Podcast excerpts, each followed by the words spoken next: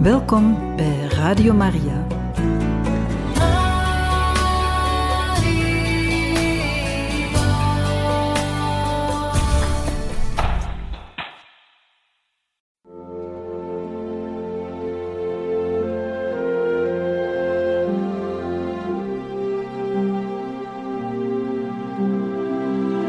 Beste luisteraars van Radio Maria, welkom bij het programma Catechismus. Een overweging bij de geloofschat van de kerk.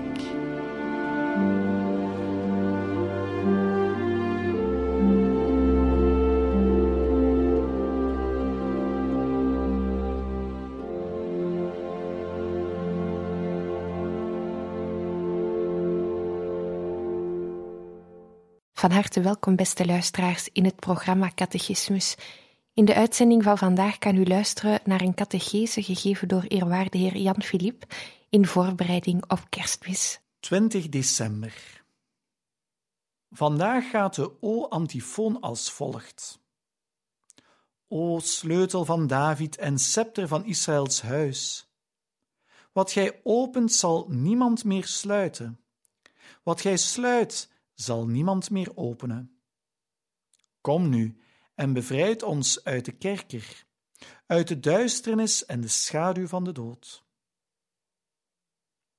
Ook vandaag weer, zoals de afgelopen dagen, is de O-antifoon een samenraapsel, een samenzetten van verschillende Bijbelcitaten die elkaar als het ware verduidelijken, maar ook een diepe betekenis geven.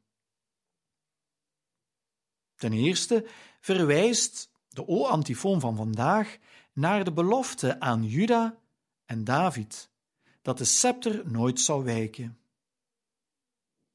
De lezingen, voor wie de laude ook bidt, verwijzen hier expliciet naar.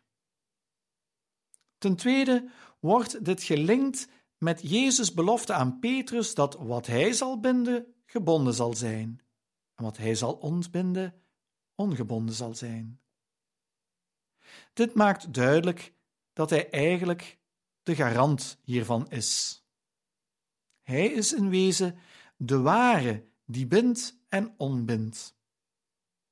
En ten derde klinkt in deze antifoon ook de hoop door en de verzuchting naar bevrijding.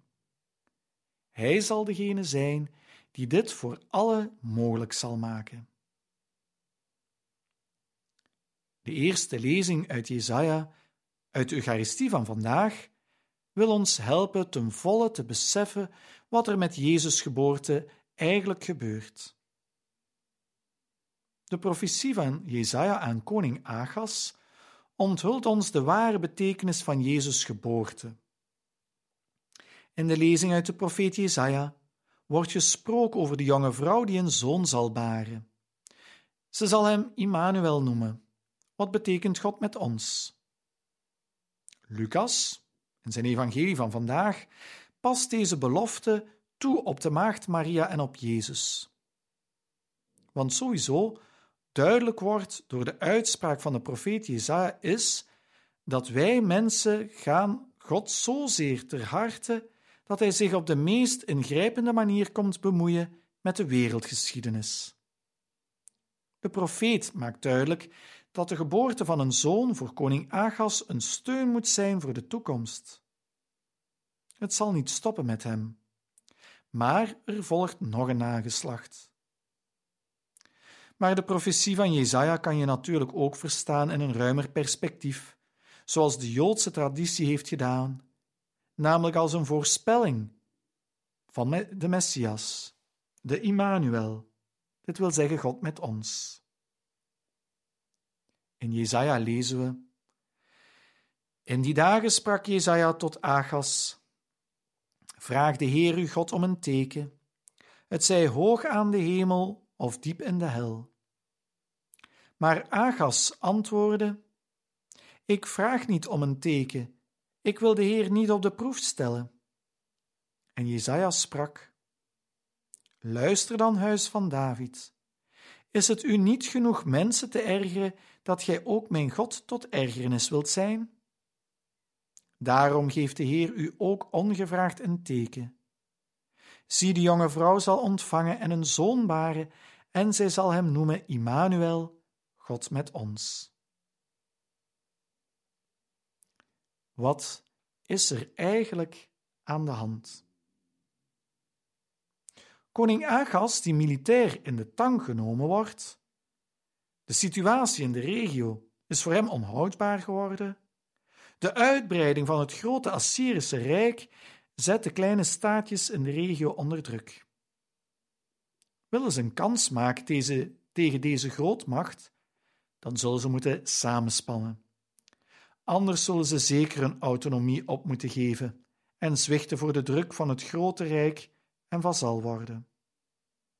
En daarom willen de buurstaatjes Juda dwingen mee te doen tegen Assyrië. Maar koning Agas voelt daar maar weinig voor. Hij is staatsman genoeg om te weten dat hij alleen nog in een coalitie met een klein, met een klein groepje staatjes opgewassen is tegen de druk van het grote Assyrië. Voor hemzelf en zijn land is het dan ook in zijn ogen het beste dat ze wijken en Assyrië erkennen als overheerser. Hij bedenkt op zijn manier, met zijn berekenende blik, een nuchtere oplossing voor de situatie waarin hij verkeert. Maar God doorkruist zijn plannen door de profeet Jezaja te sturen. Agas hoort wel wat tot hem gezegd wordt, maar negeert het. Hij houdt zich aan zijn eigen eigenlijke plan. Dit alles zet ons voor de grote geloofsvraag: geloof je dat God in deze wereld werkzaam is of niet? Of richten we ons leven enkel naar onze eigen plannen? Agas beantwoordde deze vraag eerder negatief. Maar in het evangelie van vandaag horen we dat Maria daarentegen er juist op vertrouwde. De evangelist vertelt niet alleen hoe de geboorte van Jezus plaatsvond, heel concreet, maar wil ons ook vertellen wie de God van de christen is. Hij is geen God die ver van ons verwijderd, op ons toekijkt vanuit de hemelse sferen.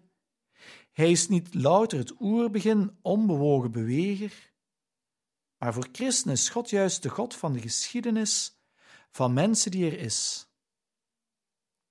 dit sluit naadloos aan bij het geloof van het Oude Testament, waarin verteld wordt dat hij met het volk meetrekt en telkens een nieuw perspectief opent als alles verloren lijkt te zijn. Maar blijkbaar, zo hoorden we vandaag in de eerste lezing in de Eucharistie, was koning Agas dit vergeten of zinde hem dit niet. Maar let op, het doet ertoe wat ons antwoord is op deze geloofsvraag. Sluiten we aan bij het antwoord dat Agas gaf voor wie God zich verhoudt van de wereld, dan kunnen, de menswording van zijn zoon hoog, kunnen we de menswording van zijn zoon hoogstens zien als een stijlfiguur waarin Jezus ons als voorbeeld wordt voorgehouden. Een mens om van te houden, een mens naar het hart van God, maar niets meer dan dat.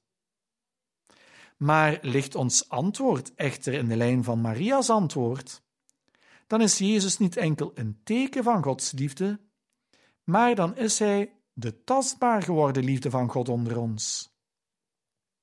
Dat God bij ons is, is dan niet zomaar een vrome gedachte, maar Hij staat effectief naast ons. Het persoonlijke antwoord dat ieder van ons moet geven op deze grote geloofsvraag bepaalt de kleur die het kerstfeest dat we binnenkort vieren voor ons zal hebben. Meer nog, het zal ook onze manier van in het leven staan als gelovige kleuren. In de antwoordpsalm starten we al met de juiste houding aan te nemen en ons wel te richten op God. En al worden biddend vragen gesteld, toch kennen we eigenlijk de antwoorden erop al. Namelijk, het kind dat ons geboren zal worden is degene die in het heiligdom van de Heer zal staan en Gods berg zal beklimmen, waar Hij ons met God zal verbinden. Hij is de waarlijk reine en zuiver van hart. Hij is de gezegende van de Heer. Maar tegelijkertijd kunnen we dit gebed ook zien als een gebed voor onszelf. We bidden met de woorden van de antwoordpsalm vandaag dat ook wij de Heer mogen naderen.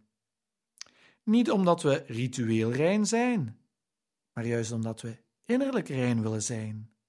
Dat we in het leven staan met een zuiver hart. En misschien is het dan ook goed om ons op de komst ook innerlijk voor te bereiden, door in deze dagen het sacrament van de biecht te ontvangen. De antwoordpsalm van vandaag gaat als volgt. Aan God hoort de aarde en al wat erop is, de aardschijf en al wat daar woont. Want hij heeft haar op het water gegrondvest, haar vastgelegd op de zee. Wie zal beklimmen de berg van de Heer? Wie in zijn heiligdom staan? Die rein is van handen en zuiver van hart, zijn zinnen niet zet op wat kwaad is. Hij zal door de Heer gezegend worden en beloond door God zijn verlosser. Zo doet het geslacht dat zich richt tot hem. Dat staat voor het aanschijn van Jacobs God. Gisteren draaide het evangelie om de bijzondere omstandigheden rond de geboorte van Johannes de Doper. Vandaag richten wij onze aandacht op Maria een eenvoudig meisje uit Nazareth, die verloofd is met Jozef uit het huis van David. Zij, die, zoals de antwoordpsalm het zegt, eigenlijk de zuiver van hart is, die haar zinnen niet zet op wat kwaad is. Want als eenvoudige van het volk had zij zich voorgenomen geheel en al voor de Heer te... Want als eenvoudige van het volk had zij zich voorgenomen geheel en al voor de Heer te leven. Vandaag horen we in het Evangelie dat in de hoop en de verwachting van Israël haar hoogtepunt het zal bereiken in Maria. Haar instemming maakt de vervulling van de oude voorspelling mogelijk. In het Evangelie van vandaag lezen we dan. Toen Elisabeth zes maanden zwanger was, werd de engel Gabriel van Gods wegen gezonden naar een stad in Galilea, Nazareth, tot een maagd die verloofd was met een man die Jozef heette, uit het huis van David. De naam van de maagd was Maria. Hij trad bij haar binnen en sprak: Verheug u, begenadigde, de Heer is met u. Zij schrok van dat woord en vroeg zich af wat die groet toch wel kon betekenen. Maar de engel zei tot haar: Vrees niet, Maria, want gij hebt genade gevonden bij God. Gij zult zwanger worden en een zoon ter wereld brengen, die gij de naam Jezus moet geven. Hij zal groot zijn en zoon van de Allerhoogste genoemd worden. God de Heer zal hem de troon van zijn vader David schenken, en hij zal in eeuwigheid koning zijn over het huis van Jacob. En aan zijn koningschap zal nooit een einde komen. Maria sprak tot de engel: Hoe zal dit geschieden daar ik geen gemeenschap heb met een man? Hierop gaf de enkel haar ten antwoord: De Heilige Geest zal over u komen en de kracht van de Allerhoogste zal u overschaduwen. Daarom ook zal wat ter wereld wordt gebracht heilig genoemd worden, zoon van God. Weet dat zelfs Elisabeth, uw bloedverwante, in haar ouderdom een zoon heeft ontvangen, en ofschoon zij onvruchtbaar heette, is zij nu in haar zesde maand. Want voor God is niets onmogelijk. Nu zei Maria, zie de dienstmaagd des Heren, mij geschieden naar uw woord. En de engel ging van haar heen.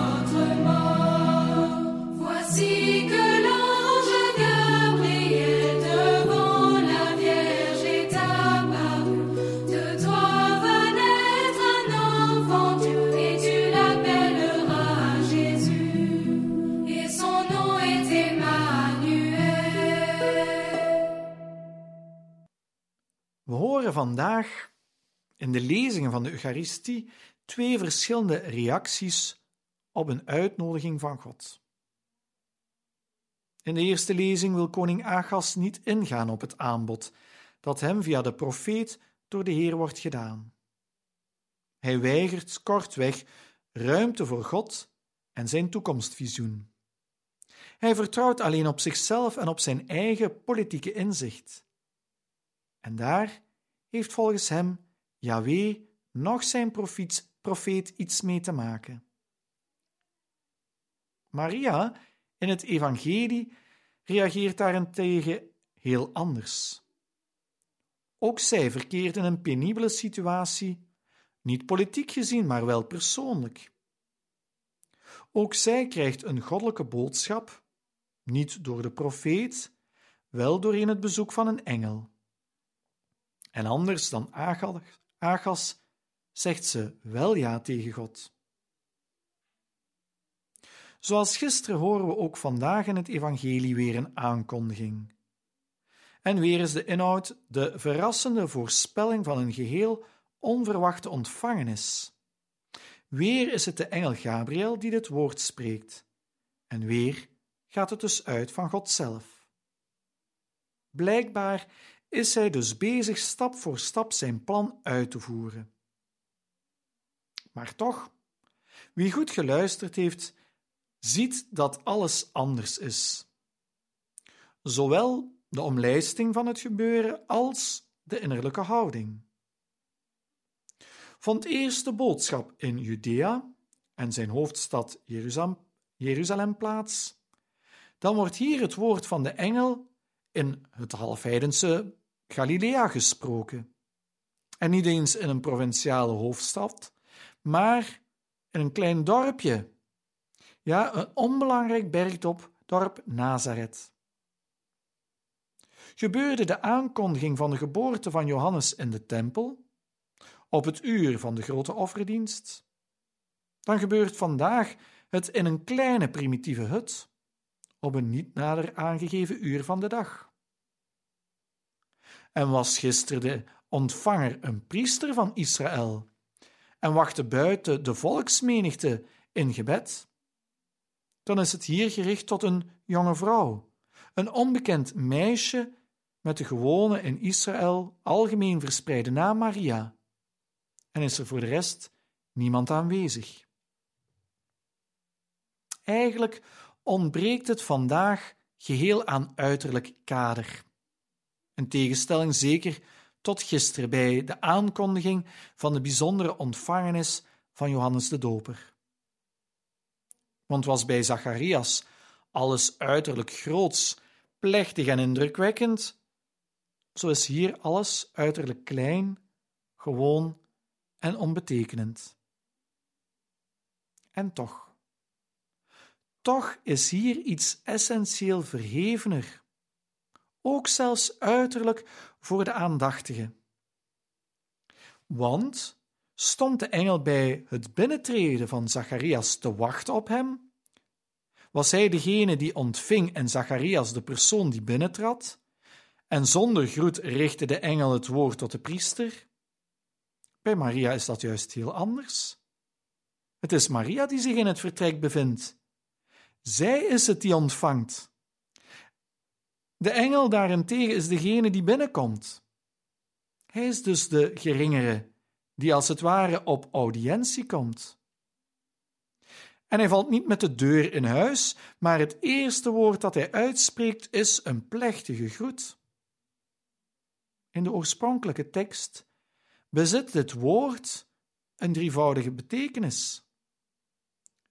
De betekenis van begroeting, maar ook de betekenis van vreugde omwille van de ontmoeting, en het is een aanzegging van genade. Dit laatste wordt nog eens apart onderstreept, want de engel zegt: Wees gegroet, vol van genade.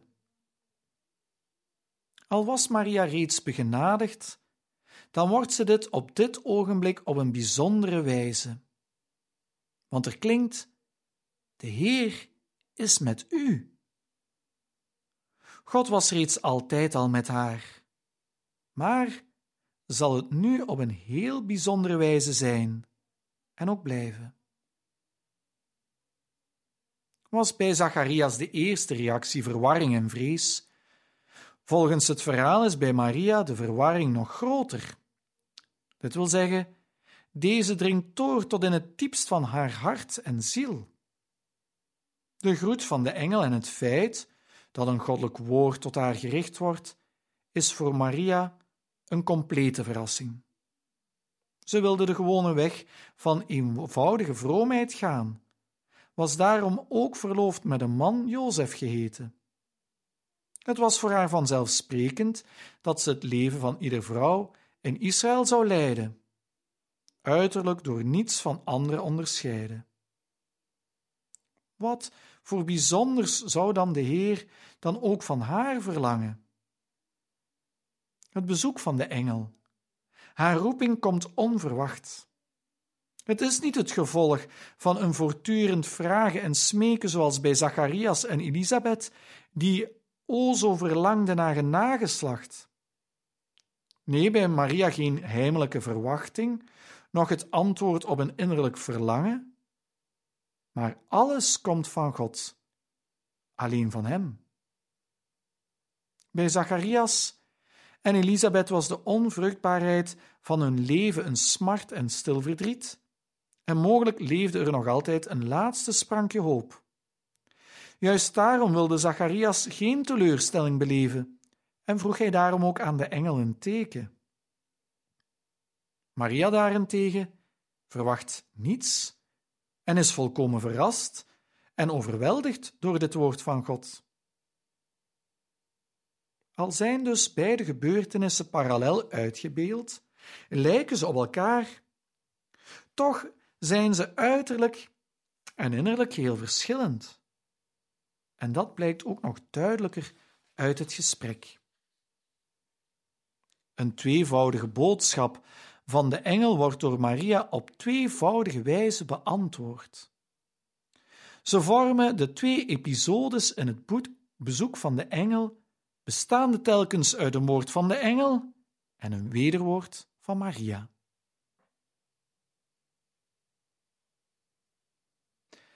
De eerste boodschap, het eerste woord van de engel begint met de geruststellende woorden: Vrees niet, Maria. Dit woord wordt gemotiveerd met het feit: Want gij zult in uw schoot ontvangen en een zoon baren.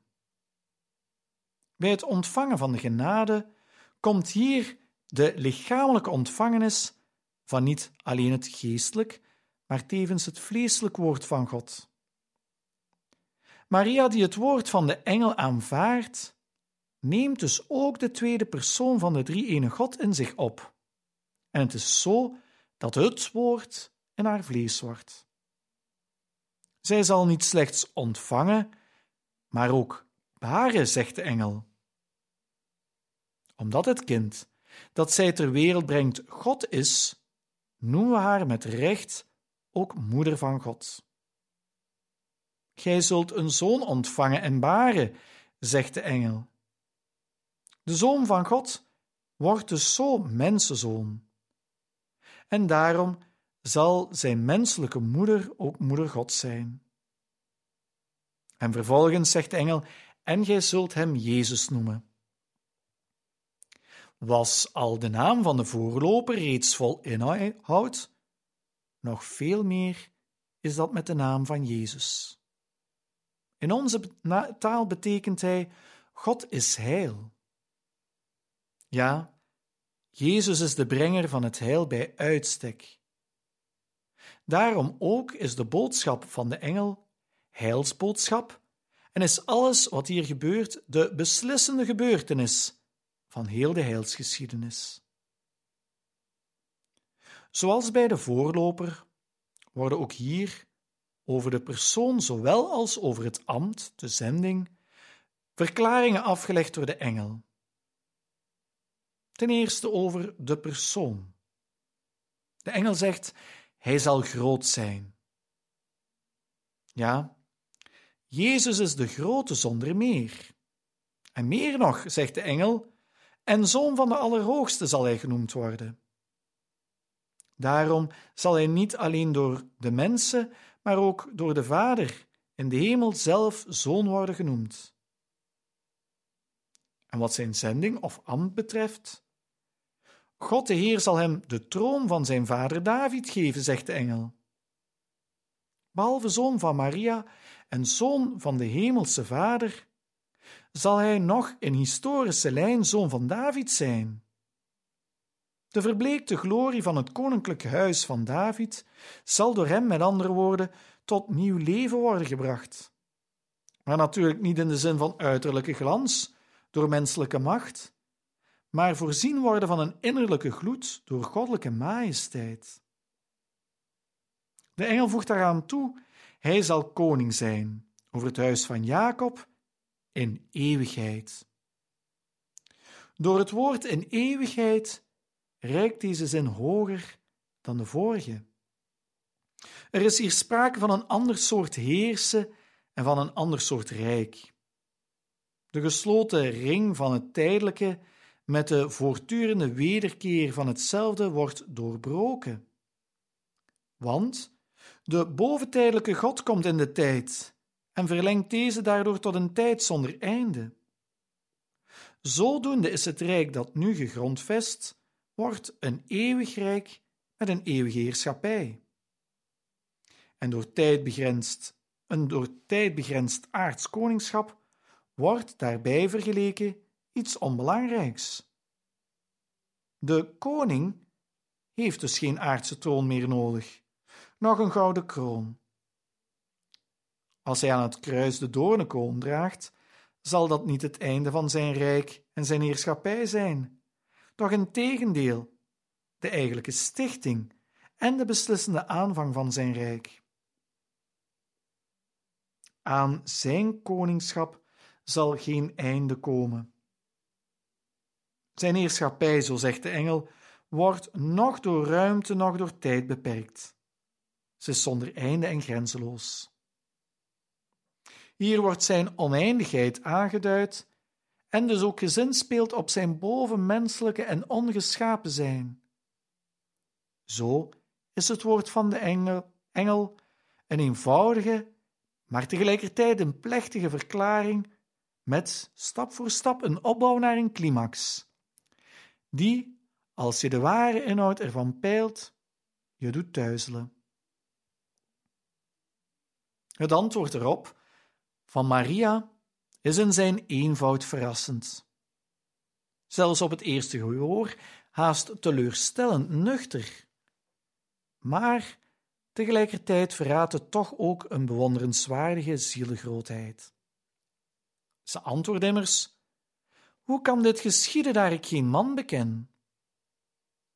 Haar innerlijke houding toont geen blijde bereidheid, die zich als het ware aanbiedt en jubelend toestemt, maar evenmin een geschrokken verweer en een zich terugtrekken in valse nederigheid.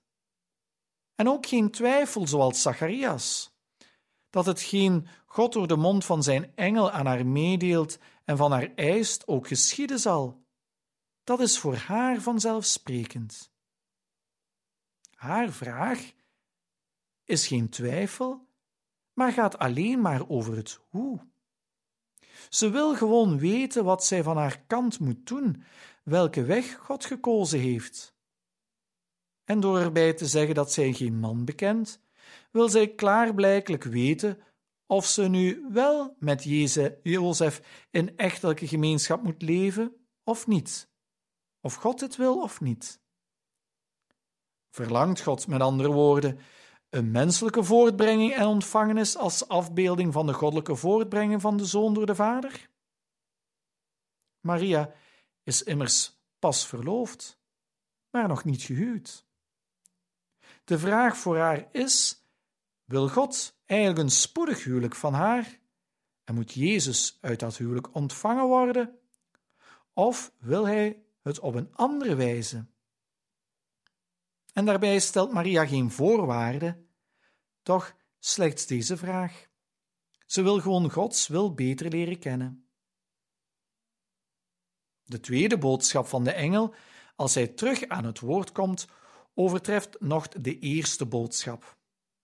Hij zegt: De Heilige Geest zal op u neerdalen en de kracht van de Allerhoogste zal u overschaduwen.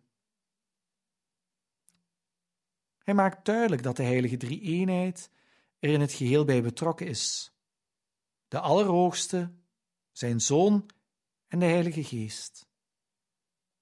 Deze geest zweefde boven de water als beginsel van de schepping in het begin van de wereld. Zo zweeft hij nu ook boven de schoot van de maagd, scheppend en voortbrengend, iets totaal nieuws startend, een nieuwe schepping. Daarom is de zoon van Maria tevens de zoon van God en is Maria door de voortbrenging uit de Heilige Geest, bruid van de Heilige Geest. Als de kracht van de Allerhoogste haar overschaduwt, dan is dit beeld van de overschaduwende wolk, bijbels gezien, een teken van de verborgen, geheimzinnige, doch bijzondere tegenwoordigheid van God. Denk maar bijvoorbeeld aan de berg Horeb, die bij de uittocht overschaduwd werd door een wolk, omdat God daar in gesprek was met Mozes bij het overhandigen van de tien geboden. En de engel vervolgt nog. Daarom ook zal het heilige, zegt hij, dat wordt geboren de zoon van God worden genoemd. Er staat niet de heilige, maar het heilige. Hij alleen is waarlijk heilig, omdat hij de Messias is en wie heel het volk van God, dat van de Heer de liefkozende naam Zoon gekregen heeft, wordt vertegenwoordigd.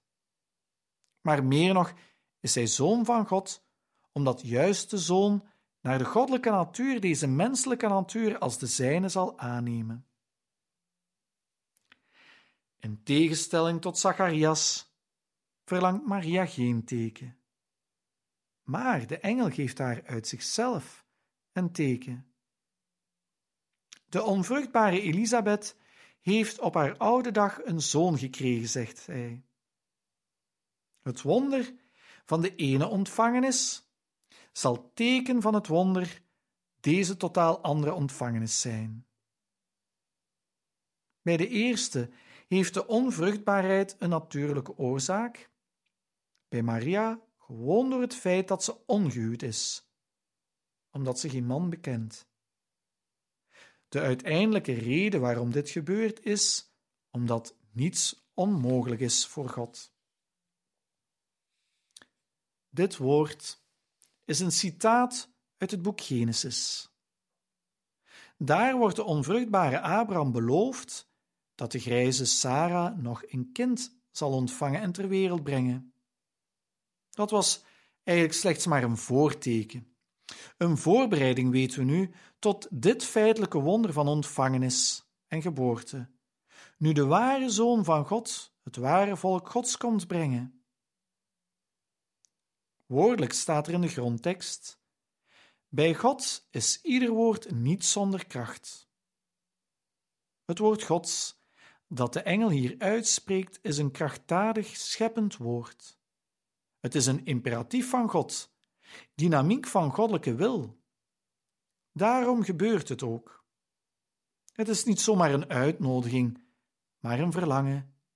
Niet louter verlangen, maar scheppende daad. En daarop antwoordt Maria heel eenvoudig voor een tweede maal: Zie de dienstmaagd des Heren, mij geschieden naar uw woord. Het staat hier hard en scherp naast elkaar: dienstmaagd en Heer. God is de Heer zonder meer. En daarom noemt zich degene die op hetzelfde ogenblik meesteres wordt, dienstmaagd zonder meer. Het verwoordt Maria's inzicht in de afstand die er bestaat tussen schepper en schepsel, tussen de beslissende wil, die in soevereine vrijheid eist en werkt, en de van buitenaf bepaalde wil van een mens, wiens vrijheid daarin bestaat dat hij zich naar de heilige wil van God schikt en zich geheel laat voortdrijven op de stroom van Gods voorzienigheid. Mij geschieden naar uw woord. Dit geschieden is het belangrijkste gebeuren van de geschiedenis. Mij geschieden is hier tegelijkertijd passieve aanvaarding en ook actieve overgave. God heeft de menselijke factor in de loop van de wereldgeschiedenis en in zijn heilsplan betrokken. Op haar vraag: hoe zal dit geschieden? volgt nu het antwoord van Maria: mij geschieden.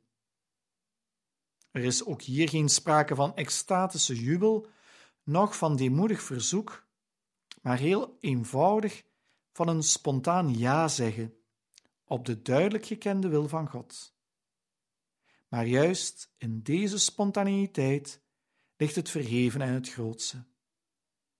Wat voor Maria de doorslag geeft, is niet haar eigen wens, haar eigen willen, niet het willen en spreken van de mensen, maar enkel en alleen het willen en het woord van de Heer.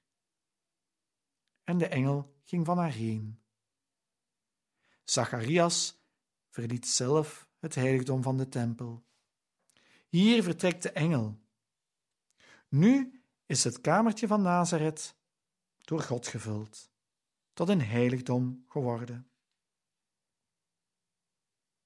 Met al deze woorden kunnen wij misschien deze dagen ook in het bijzonder het Angelus, het engel des Heren, bidden, wiens woorden van de aankondiging van de engel uit het evangelie van vandaag zijn afgeleid.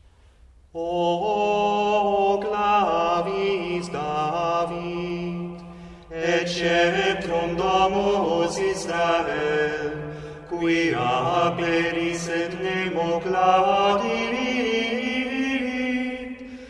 claudis et nemo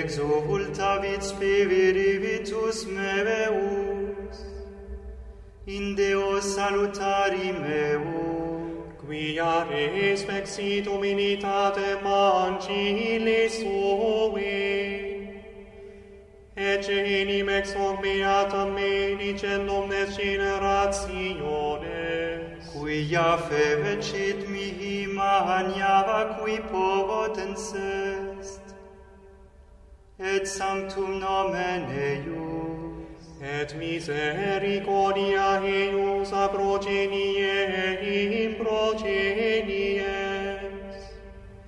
Timentibus eius, fecit potentiam in brachivio suo, dispersit superbos mente cordis sui, de poso potentes de sede et exaltavit homines es urrivientes ivim plevit bonis et divites dimisit in ane soce piris al poverum sovum Recordatus misericordiae sumi, sicut locutus est avat pavatres novostros, Abraham et semini eius in secula, gloria Patri et Filio, et Spiritui Sancto, Sicut erat in principio, et nunc et semper, et in saecula saeculorum. Amen. O, o clavis David, et sceptrum domus Israel, qui aperis et nemo claudis, laudis et neve momo aperit, vereni et ere dovintum Dei domo caceris, se vedentem in tere neve brimis, et ombra povos, En zo zijn we, beste luisteraars, aan het einde gekomen van deze catechese, gegeven door eerwaarde heer Jan Filip, in voorbereiding op het kerstfeest. Wij wensen u nog een zeer mooie dag toe.